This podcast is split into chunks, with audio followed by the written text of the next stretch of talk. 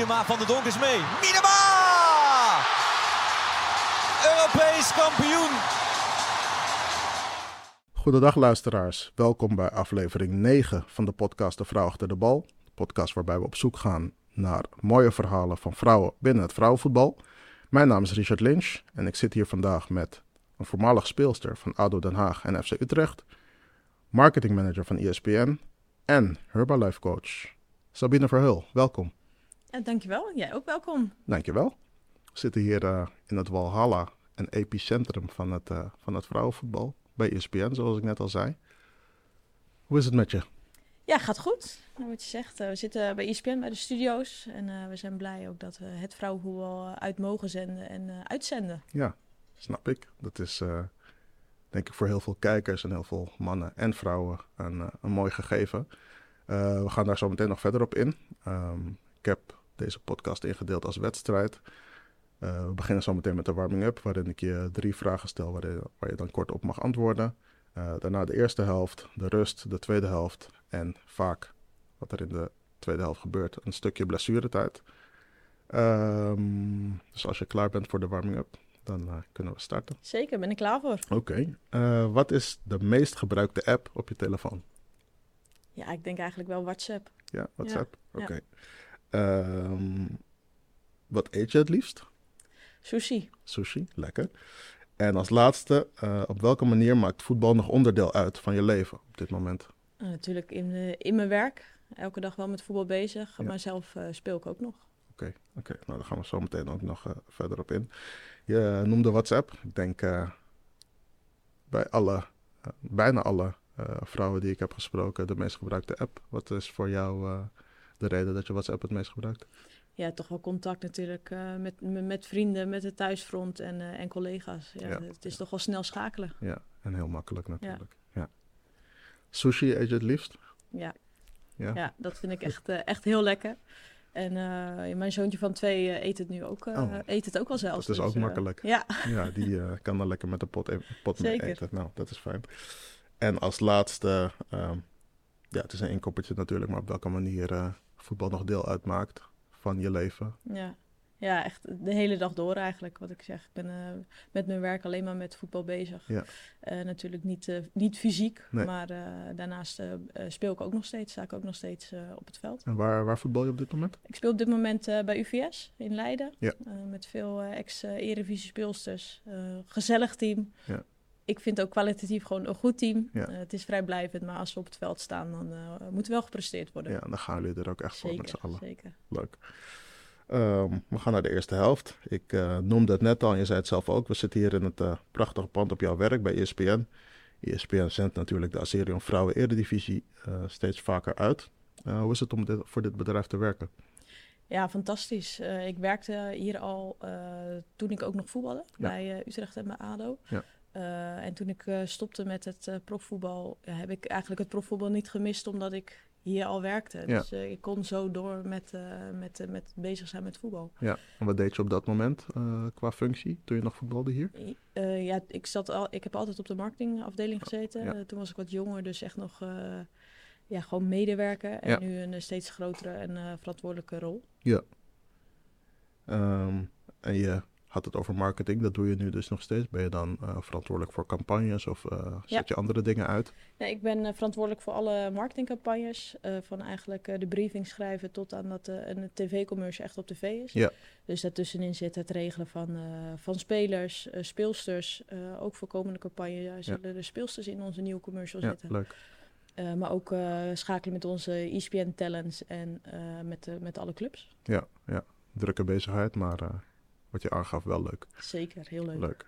En de rode draad, dat is ook de kleur van ESPN, maar rode draad door je leven is uh, in dit, inderdaad voetbal in dit ja. geval. Dus, uh, de bal blijft rollen. Ja, zeker, zeker.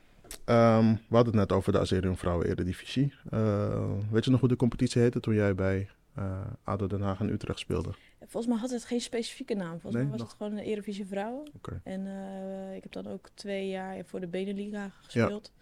Uh, dus ja, toen zaten we samen met, met Belgische teams. Ja. Dus uh, die opzet was toen eventjes anders. Ja, hoe is dat bevallen? Die uh, combinatie met Belgische teams erbij? Nou, het was wel qua, qua tegenstand was het wel leuker. Want ja. ja op, op, een gegeven moment ken je de Nederlandse teams wel. Ja. Dus uh, dat was wel echt een verbetering. En ja, de afstanden. Uh, we speelden dan op vrijdagavond en dan ging je echt vrijdagmiddag om, om 12 uur ging je al weg. Ja, en dan speelde je om half acht, acht ja, uur. en dan was je s'nachts rond een uurtje of twee, half drie was je thuis. Ja. Dat, dat was wel intensief, maar qua wedstrijd uh, was het wel echt een uh, verbetering. Ja, en dan was het waarschijnlijk ook de volgende dag weer trainen, uitlooptraining. Nou, als je, als je pech had en je had wissel gezeten, dan uh, moest je op zaterdag met de satellietclub mee. en dan had je gespeeld, dan was je wel vrij, maar dan werd er zondag getraind. Ja. dus dat was wel, een, wat ik zeg, een intensieve periode. Ja, en je noemt een satellietclub. Um, hoe moet ik dat dan zien? Hoe ja, was dat in die periode geregeld? Ja, in die periode werkte een BVO samen met een amateurclub. Ja. Uh, vaak op topklasseniveau. Dus uh, bij uh, ADO Den Haag was dat samenwerking met de leden. Ja. Dus dan mochten de speelsters die bij ADO niet speelden op zaterdag dan met de leden meespelen. Zodat okay. ze wel een speelminuten, ja, de speelminuten kregen. Ja. want toen hadden we nog geen tweede elftal. Nee. Dus ja, anders kon je jezelf ook niet ontwikkelen. En bij FC Utrecht hadden, was er een samenwerking met, met Seestem. Oké. Okay. Nou ja, dat wist ik niet. Maar op zich wel grappig dat dat dan op die manier geregeld werd. Alleen, ja, dus wel het liefst in de basis staan. Want anders uh, is op zaterdag ook nog verschijnen. En... Ja, ik heb het zelf een keer gehad bij Utrecht dat we uh, uit naar België moesten. En toen was ik inderdaad om twee uur thuis. Ja. En Seesten moest uh, de volgende dag uit naar uh, Nikkelbokkers in Groningen. dus toen zei de trainer, Sabine, jij moet morgen met Seesten mee. Toen zeg ik, het is nu twee uur. Ik moet om negen uur op de club zijn. Volgens mij is dat ook niet goed voor mijn stel. Dus nee. Uh, ja, toen heb ik dat niet gedaan. En dus de trainer van Cesum begreep dat volledig natuurlijk. Want Ja. die afstanden, dat waren, was toen niet te doen. En Nee, dus bus in, uiteindelijk bus ook uit. kijken naar, je, naar de prestaties. En dat, eh, hier zou ik niet beter van eh, zijn geworden. Nee, dat denk ik ook niet. Ehm, want ze hebben dat op een gegeven moment losgelaten. Was daar een specifieke reden voor? Niet per se die eh, satellietclubs, maar meer ehm, die Beneliga. Ja, ik weet niet echt wat, eh, wat, de reden was. Ik weet wel dat het, het was een pilot. eh, en bij de, bij, bij de uh, Eredivisie Mannen is er natuurlijk ook veel sprake van geweest. Ja. ja, voor verbetering van het niveau van het vrouwenvoetbal, eh, verbreding. Maar ja, ik denk dat ze er ook wel achter zijn gekomen dat het niet haalbaar was. Omdat we, ja, wij als vrouwen moeten er toch of naast naar school of Ja. werken. Ja, en als je dan ook die afstanden nog moet afleggen, dan, eh, dan is dat niet te doen. Maar Nee. echt de specifieke reden vanuit de bond eh, weet ik eigenlijk niet. Eh, voor de luisteraars, eh, op welke positie speelde je het liefst? Centraal achterin. En dat doe je nu nog steeds? Eh, Ja, het- wisselt wel eens, want we hebben best wel veel verdedigers ook. Maar Ja. ik vind het in ieder geval fijn achterin te spelen. Heb ik het overzicht, Ja. kan ik het goed neerzetten. Ja. Dan hoef ik zo min mogelijk te doen. Dat is heel slim, heel slim bekeken. Je gaf net, of ik gaf net al aan dat je bij ADO Den Haag en Utrecht speelde. Hoe was toen jij daar speelde de aandacht op dat moment voor het vrouwenvoetbal? Het is natuurlijk een tijdje terug. Ja, ja nou, veel, wel veel regionale aandacht. Dus ook regionale tv-zenders. Eh, uitzenden eh, was op dat moment niet, zo, niet, echt sprake van. Nee. Eh, op zijn tijd werd er een wedstrijd uitgezonden, maar meer ook de samenvatting. Ja. Dus het was meer qua kranten en regionale, regionale pers wat de aandacht gaf aan het vrouwenvoetbal. Ja, want ook nog niet echt social media of wat dan ook. Nee, er was geen alg- eh, algemeen account voor Nee. het vrouwenvoetbal. Wel natuurlijk vanuit de club. Ja. Dat was ook wel per club verschillend. Ja. Eh, bij ADO Den Haag is het vrouwenvoetbal altijd echt onderdeel geweest, on- onderdeel geweest van de club. Ja. Dat was in mijn tijd bij Utrecht niet zo. Dat was echt een aparte stichting en er stond er los van. Dus ik ben heel blij voor Utrecht dat ze dat nu wel echt hebben omarmd. Dat de vrouwen onderdeel zijn van de club. Want ik denk dat dat ook minimaal moet zijn voor iedere, ieder team, ieder vrouwenteam. Ja. Ja, dat heeft inderdaad iedereen nu wel een Ja, eigen bijvoorbeeld Instagram-account en daar heel actief op zijn. Dus dat is wel, eh, wel leuk en goed om te zien en ook een goede, goede ontwikkeling. Hoe heb jij ehm, destijds je periode in de Eredivisie ervaren? Ja, wel achter, als ik achteraf kijk, een eh, hele intensieve periode. Want het was eh, inderdaad s ochtends of, of st- studeren. Tijdens de ADO-tijd eh, studeerde ik nog. Ja. En bij Utrecht werkte ik. En dan ging je rechtstreeks door naar trainen. Dan kwam je thuis eten, slapen en dat iedere dag weer. Ja. Dus er was weinig rust. Maar qua ontwikkeling en eh, de vriendinnen die ik daaraan heb opgedaan, eh, ja, gewoon eh, super. Ja, en ik heb het wel echt als een waardevolle periode ervaren. Ja, want je gaf aan ehm, dat je een studie, dat je studeerde. Welke studie heb je destijds gedaan? Ik heb sportmanagement en ondernemen gestudeerd in Amsterdam. Ja. Dus ik studeerde in Amsterdam. En eh, speelde destijds in Den Haag. Eh, dus dat waren ook best wel afstanden. Ja. het eerste jaar van de Eredivisie Vrouwen heb ik, zat ik in het talententeam. Het HVA-team heette dat toen nog. Ja. Ehm, dus ja, dat, dat was eigenlijk naast mijn school. Dus dat was heel fijn. Wat je noemde, die opleiding, dat is in de volksmond is dat SMNO bij, de, bij de ALO. Ja. Of niet? Ja, ja. Oh, ja. ja klopt. En uh, dus het eerste jaar Eredivisie Vrouwen bij het talententeam gezeten. En het jaar daarna eigenlijk aangesloten bij, uh, bij ADO. Ja. Maar dat waren wel vanuit uh, Al van der Rijn, waar ik destijds woonde, naar Amsterdam, naar Den Haag, waren het afstanden. Ja. Maar je deed het en ja, je ging toch je droom achterna. Dus dat, op dat moment kostte het me geen moeite. Want hoe oud was je op dat moment? Oeh, denken. Volgens mij was ik 19, 18, 19, ja. Ja. ja. ja. Ja, mooie leeftijd, maar inderdaad, ja, druk ben je dan van huis naar school, en van school naar voetbal en dan weer naar... Je woonde nog thuis, denk ik, op dat moment. Ja, op dat moment uh, woon ik nog thuis, ja. Ja, dat, is, uh, dat is inderdaad erg Echt studentenleven heb ik ook uh, niet gekend natuurlijk, omdat je gewoon voor het voetbal gaat. Ja. En ja, ik, dat heb ik ook niet gemist. Ik weet niet hoe het is om echt student te zijn. En uh, ik deed mijn ding voor het voetbal. En ik haalde mijn cijfers en dat was prima. Ja, precies. Um, kun je het grootste verschil noemen tussen de Eredivisie van toen en de Eredivisie van nu? Nou, ik denk wel echt de, de aandacht die, voor, die er voor het vrouwenvoetbal is. Ja.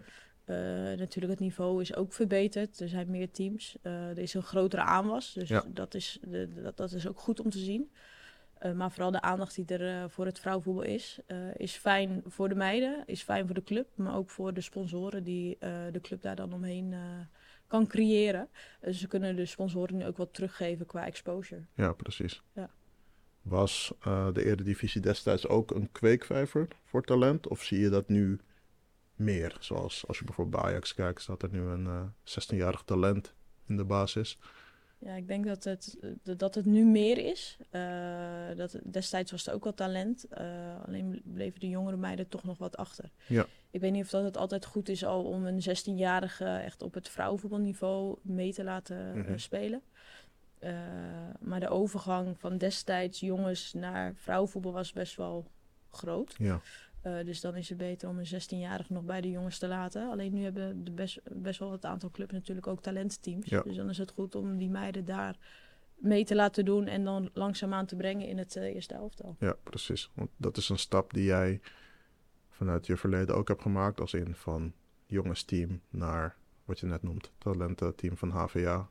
En dan dus uiteindelijk uh, aansluiten bij het eerste? Of heb je vroeger ook met meisjes gevoetbald? Nee, ik heb echt uh, tot mijn zestiende bij jongens uh, gespeeld. Ja. En daarna de overstap gemaakt naar, naar het, het vrouwenvoetbal. Ja.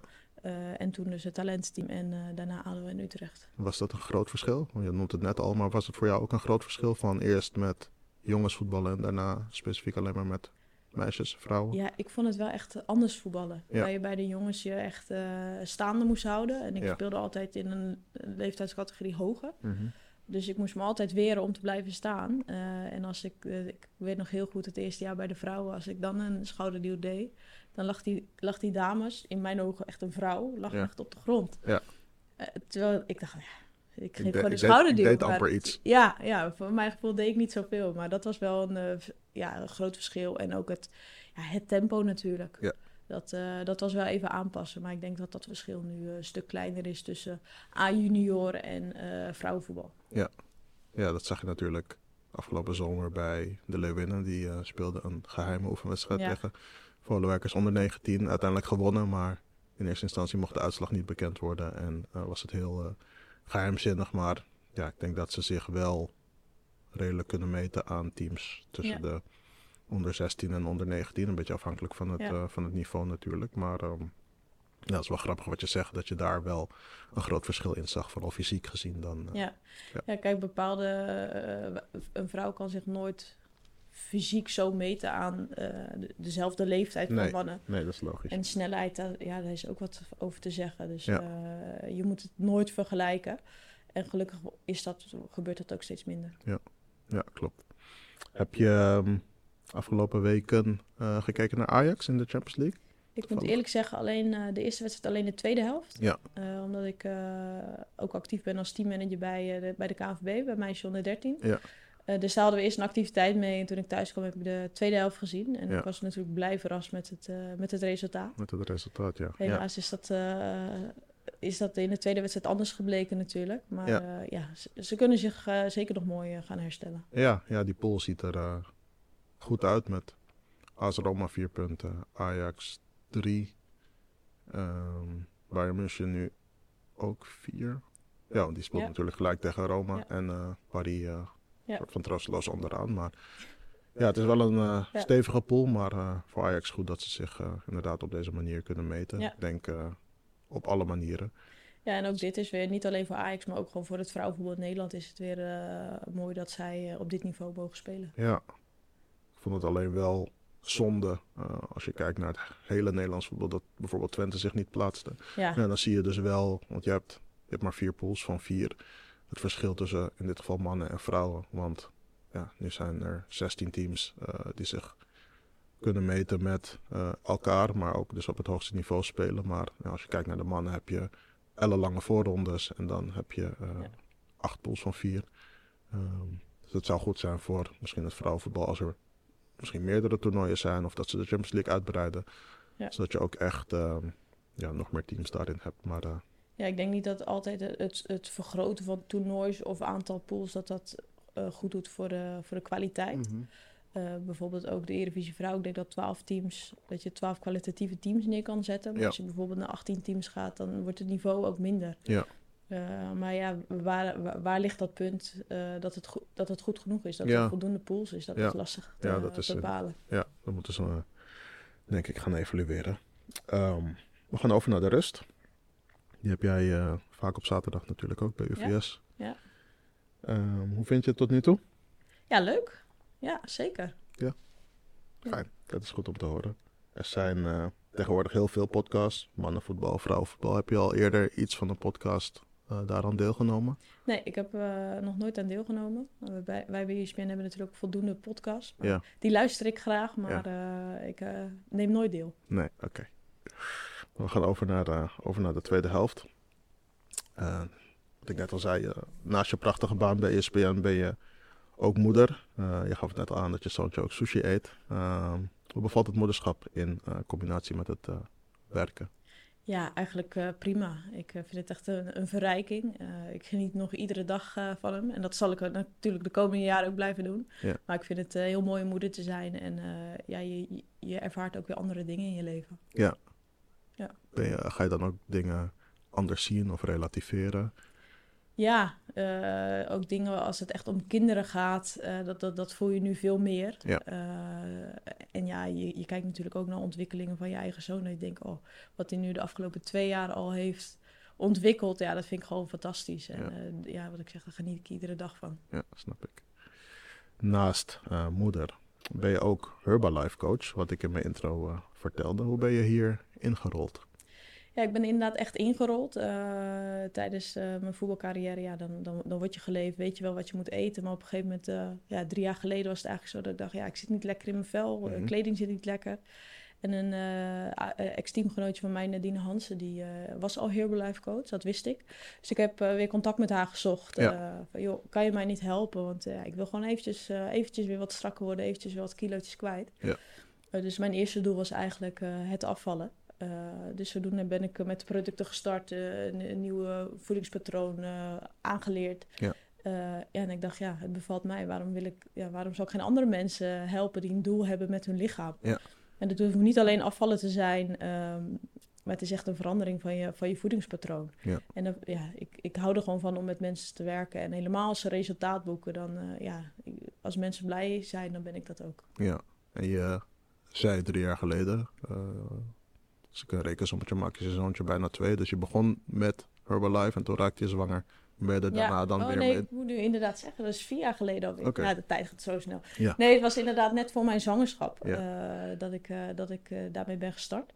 en ook juist tijdens mijn zwangerschap en daarna heeft het me heel erg geholpen om de juiste voedingsstoffen binnen te krijgen. En ook, ja, als je de juiste voedingsstoffen binnenkrijgt, heb je ook veel meer energie. En nou, vooral de eerste weken is dat heel fijn na een zwangerschap dat je iets meer energie uh, krijgt. Ja, dat geloof ik graag. dat, uh, dat was wel nodig. Ja. Uh, dus ja, daar helpt het heel erg bij. Ja, ja. dat is leuk om, leuk om te horen. je gaf het net al aan. Ehm, ik wil dat toch nog wel even in mijn vraagstelling vragen. moet Herbalife dan echt dat, het wordt niet gezien als een dieet, maar meer als een verandering van lifestyle. Ja, klopt. Het is inderdaad geen dieet. Je kan ieder doel ermee behalen, afvallen, aankomen, spiermassa opbouwen, meer energie. Uh, dus vandaar dat het ook heel fijn is en toegankelijk voor iedereen. Het is een verandering van je voedingspatroon. En ook ik, ik hou ook van lekker eten, wat ik net al zei. Sushi, dat is mijn favoriete eten. Ook dat kan gewoon. Ja, en je hoeft niet anders avond te eten. Uh, je kan gewoon met het gezin samen eten. Alleen bepaalde producten die je gebruikt, er zitten voedingsstoffen in. Uh, die jou helpen je doel te behalen. En uh, dat is gewoon heel fijn. Ja, doe je dat coachen dan fysiek of online? Nee, dit is eigenlijk allemaal uh, online. Okay. soms is er ook wel iemand die in de buurt woont die ik help. Nou, daar, daar, daar sport ik dan samen mee. Ja. dus dat soort dingen vind ik ook heel leuk. Ja. en, maar het is gewoon fijn. Je kan er je fulltime job van maken. Maar ik doe het parttime naast, naast mijn werk bij ESPN. En je kan je eigen tijd indelen. En dat vind ik, dat vind ik het grote voordeel van ja, dat is ideaal. coach zijn bij Herbalife. Ja, ideaal. Ehm, als we de koppeling maken tussen voeding en voetbal, uh, werd daar in jouw tijd ook extra aandacht aan geschonken of nog niet heel veel? Nou, we hadden wel bij, uh, zowel bij ADO als bij Utrecht een, uh, een diëtist. alleen nu, nu merk ik, nu ik zelf met voeding bezig ben, dat een mm diëtist ja, veel algemener praat en niet kijkt naar de persoon zelf. En ja. is het wel naar van hey, wat, wat neem je binnen en wat, moet je minder, maar niet echt naar sportprestaties. Ja. En dat is wel wat ik, uh, wat ik misschien heb gemist. Uh, maar ik denk dat daar nu ook wel een uh, slag, een verbeterslag is gedaan bij clubs. Ja. ja, dat denk ik ook wel. denk je dat voeding onderschat wordt in het voetbal, maar ook zeker in het dagelijks leven? Wat nou, dat kan doen voor je lichaam? Ja, want ik denk binnen de sportwereld misschien niet zozeer. Uh, maar wel voor de, de, dagelijkse dingen. Want mensen denken, oh, ik wil afvallen of ik wil strakker worden, ik ga sporten. Ja. Maar 80% van je lichaamsverandering komt door voeding. En ja. 20% eigenlijk maar door sport. Ja. Buiten dat sport natuurlijk geestelijk ook goed werkt, uh, kan je met voeding al heel veel uh, veranderen voor jezelf. Ja, ja dat wordt denk ik vaak onderschat. Want iedereen ja. gaat dan de gewichten hangen. En, ja, het is straks natuurlijk januari en dan denkt iedereen ook, oh, ik ga naar de sportschool, want ik wil, wil het jaar goed beginnen. Ja ja, begin maar eerst eens met uh, goed eten. En uh, de, komende tijd ook, de feestdagen komen eraan. Uh, ja, als je 80% goed eet, dan kan je ook 20% cheaten, om het zo te zeggen. Ja. Dus straks met de feestdagen ga ik ook, nou ja, ik ben op dat moment op vakantie, maar dan kan ik ook gewoon lekker genieten van uit ja. eten gaan, van ja, een wijntje precies. erbij. Dus ja, dat, dat wordt zeker onderschat door mensen. Ja, en krijg je dan ook begin januari, is dat je ervaring meer aanvragen van mensen die uh, iets met hun lifestyle willen doen of niet specifiek? Ja, ja, het is toch wel dat mensen dan in januari van nou, nu ga ik echt starten. Ja. ja, en dan is het omdat de maatschappij zegt we moeten, we hebben goede ja. voornemens, we moeten nu starten. Ja. Of weet je dat zelf? Ja. Dus ik ben ervan overtuigd dat uh, de motivatie uit jezelf moet komen. Dan kan je iets bereiken. En niet omdat een ander dat zegt. Nee, of omdat de maatschappij uh, dat oplegt dat het vanaf 1 januari moet. Klopt. Uh, is er nog iets wat je de luisteraars zou willen meegeven als het om gezonde voeding gaat? Ja, besef eerst wat voor, wat, wat voor doel je hebt. En weet dat je met voeding heel veel uh, kan aanpassen. Ja. Uh, en je hoeft niet te diëten, uh, je hoeft geen honger te lijden om af te willen vallen. je kan heel veel behalen door de juiste voedingsstoffen. Ja. Dus, ja. Dat is meer een inzicht, denk ik, wat mensen moeten krijgen. En ja. Ja. Vaak ja, worden bepaalde dingen gezien als een dieet, maar ja. En Herbalife klinkt voor sommige mensen ook nog echt als afvallen shakes. Maar het zijn niet alleen shakes. Ik maak zelfs van de poeder uh, pannenkoeken of ja. gooi door mijn kwark. Ja. Uh, je kan zoveel lekkere dingen maken. Ik heb zelfs gezonde brownies uh, die ik gewoon als tussendoortje kan nemen. Dus het is eigenlijk een feest om met Herbalife producten te werken. en daarnaast ook gewoon nog te kunnen genieten van lekker eten. Ja, en ehm, ja, ik denk dat het dan ook belangrijk is wat je zei. dat mensen het doel voor ogen hebben. En dan inderdaad gaan bijhouden van wat eet ik nu en ehm, ja. wat doet dat voor mijn lichaam. Ja, daar kijk ik ook gezamenlijk naar met, uh, met, mij, uh, met mijn klanten. Van hey, wat eet je nu? Wat kan je veranderen? Wat zit erin? Ja, wat, wat je nu eet? Maar ook bijvoorbeeld het, uh, wat, drink je? Sommige mensen drinken bijvoorbeeld echt te weinig water. Ja. Wij hanteren 1 liter per 30 kilogram. Nou ja, ga maar eens na. Haal ik dat? Ja. En er zijn kleine foefjes waardoor je dat wel in kan nemen. En ook water drinken helpt echt zoveel bij uh, hoe, je, hoe je je voelt. Ja, precies. Ja, ik vind het leuk om je uh, er zo blij over te horen praten. En dat ja. is natuurlijk ook belangrijk. Uh, maar veel mensen moeten dat inzicht nog, dat inzicht nog krijgen. We maken weer even een klein uitstapje naar het voetbal. bezoek je nog wel eens een wedstrijd? af en toe. ik moet wel zeggen, meer in de Eredivisie mannen dan uh, Azerion vrouwen. Ja. Uh, maar op zijn tijd uh, zit ik zeker in het stadion. En ben je bijvoorbeeld al bij je oude clubs geweest? Utrecht of ADO Den Haag? Utrecht ben ik nog niet geweest. Nee. Ik ben wel uitgenodigd door mijn, uh, mijn ex-trainer Jurg Shevchik, nu assistent natuurlijk oh, ja. bij, bij de Utrecht Vrouwen. Ja. Maar de openingswedstrijd kon ik niet bij zijn. Nee, tegen Feyenoord was dat? Ja, klopt. Klopt, in het stadion. maar ik ga dit jaar zeker wel weer kijken. Bij ADO kom ik, eigenlijk ieder jaar kom ik daar nog wel een keer. Ja. En dan is het ook wel leuk om de supporters van de ADO weer te zien.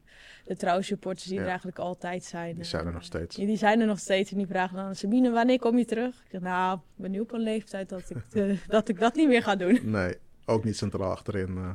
Nee, ik denk dat, uh, dat het nu is voor de, de tijd is voor jonge meiden. Ja, ik heb toevallig heb ik Utrecht ADO gezien in het stadion van Utrecht. Het is niet de hele beste wedstrijd. Het was ook een soort van verregend, die wedstrijd. Ja. Dus kwam aan, want die wedstrijd begon om half acht.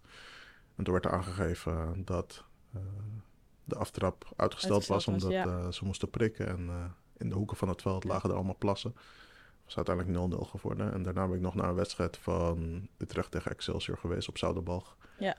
En dat was een uh, 2-0 overwinning voor Utrecht. Ja. Ik heb natuurlijk ook wat dames van Utrecht gesproken, Femke Prins en uh, Marjolein van der Biggelaar. Dus ik vond het wel leuk om uh, Femke dan te zien invallen. Ja. En um, uh, afgelopen week ook te zien scoren tegen AZ. Dus uh, ja. ja, dat is wel leuk. En dat is natuurlijk nu ESPN ook het vrouwenvoetbal uitzendt. Ja, de zondag, uh, zondagmiddag kwart over twaalf wedstrijd, ja. ja. die staat thuis vaak aan. Ja, ja. ja dus dat is heel fijn. Ja, je hebt nu natuurlijk ook nog op zaterdag ja. een wedstrijd om twee uur. Ja. Ja, dat zijn mooie, mooie ontwikkelingen.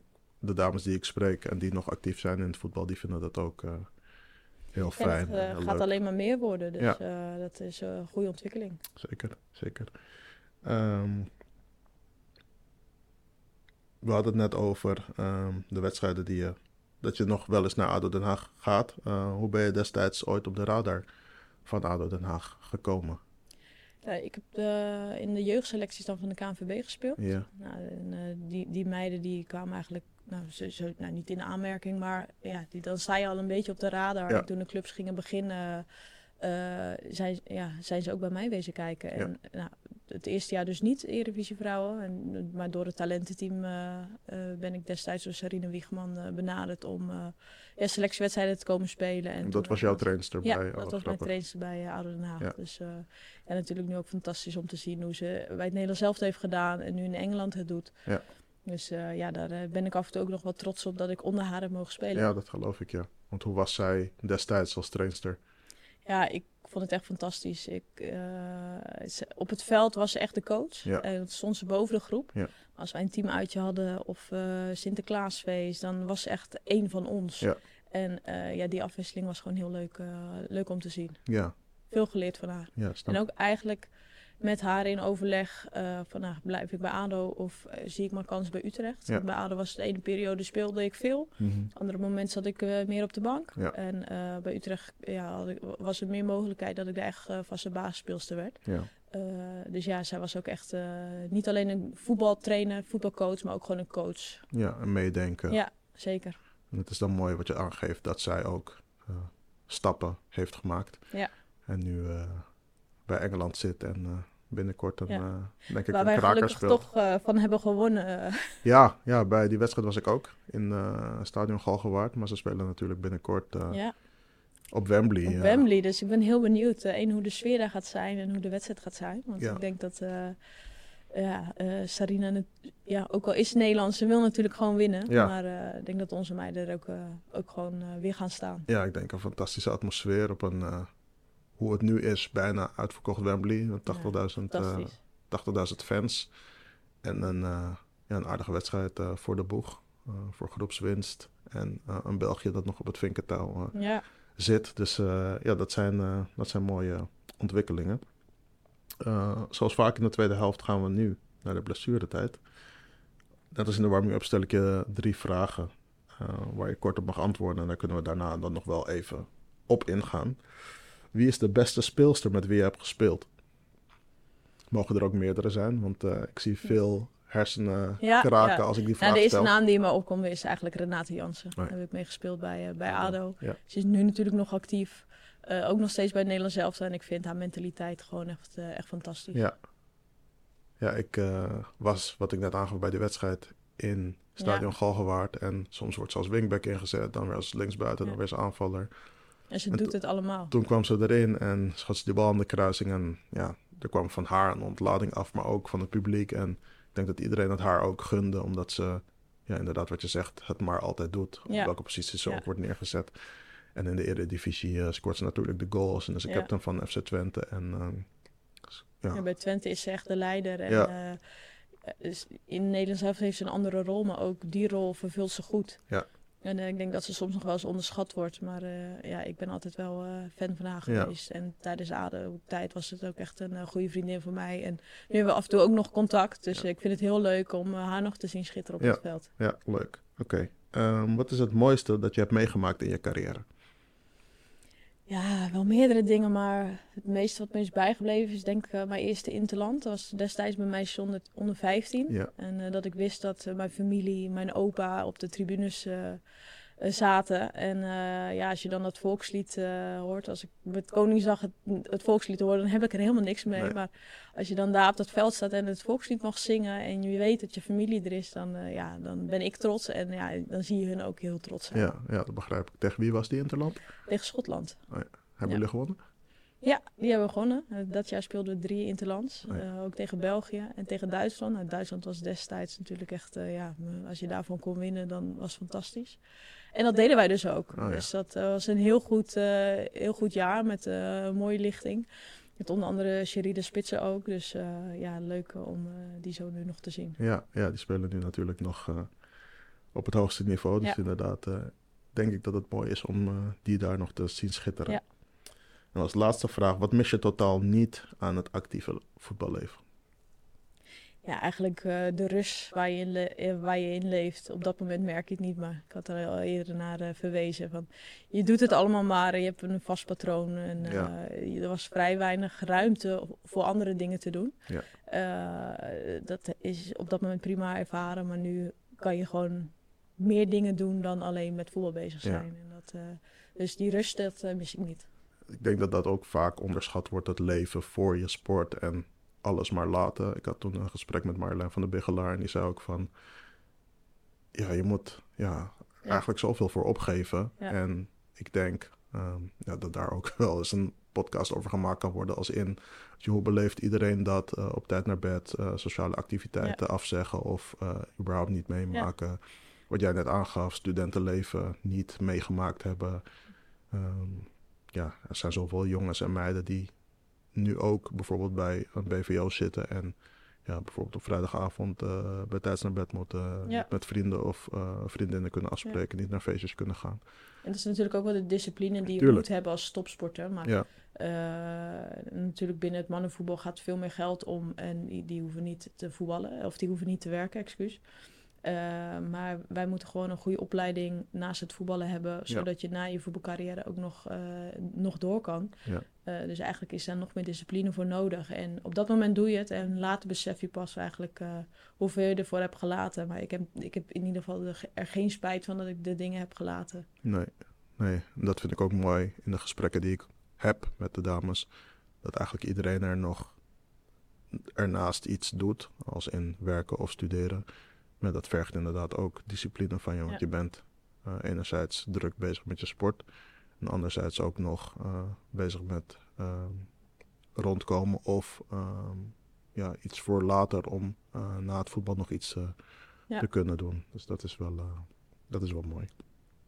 Ehm, net als mijn andere gasten krijg jij ook een aandenken van mij. Ik heb hier een ESPN-mok voor mij, maar jij krijgt een mok met het logo van de vrouw achter de bal erop. Super, dankjewel. Dus die is voor jou. Ehm, ik wil je bedanken voor je tijd. eh, voor mijn hartelijke ontvangst hier in het eh, mega grote gebouw van ESPN. Jij bedankt voor de aandacht. Ja, geen probleem. Eh, voor de luisteraars heb ik ook nog iets. Vonden jullie dit nou een leuke podcast? Laat dan vooral even een review achter op jouw favoriete streamingsdienst. Dat mag Deezer, Apple Podcasts of Spotify zijn. Op die manier wordt de podcast beter vindbaar voor nieuwe luisteraars. En willen jullie de aflevering niet missen? Abonneer je dan op het kanaal als dat mogelijk is. Volg mij op Instagram, de vrouw achter de bal. En voor vragen, opmerkingen of eventueel commerciële samenwerking kunnen jullie mailen naar de vrouw achter de bal gmail.com. Sabine, bedankt voor je tijd. succes met de volgende campagnes. Gaat goed komen. En voor de luisteraars, bedankt voor het luisteren en tot de volgende.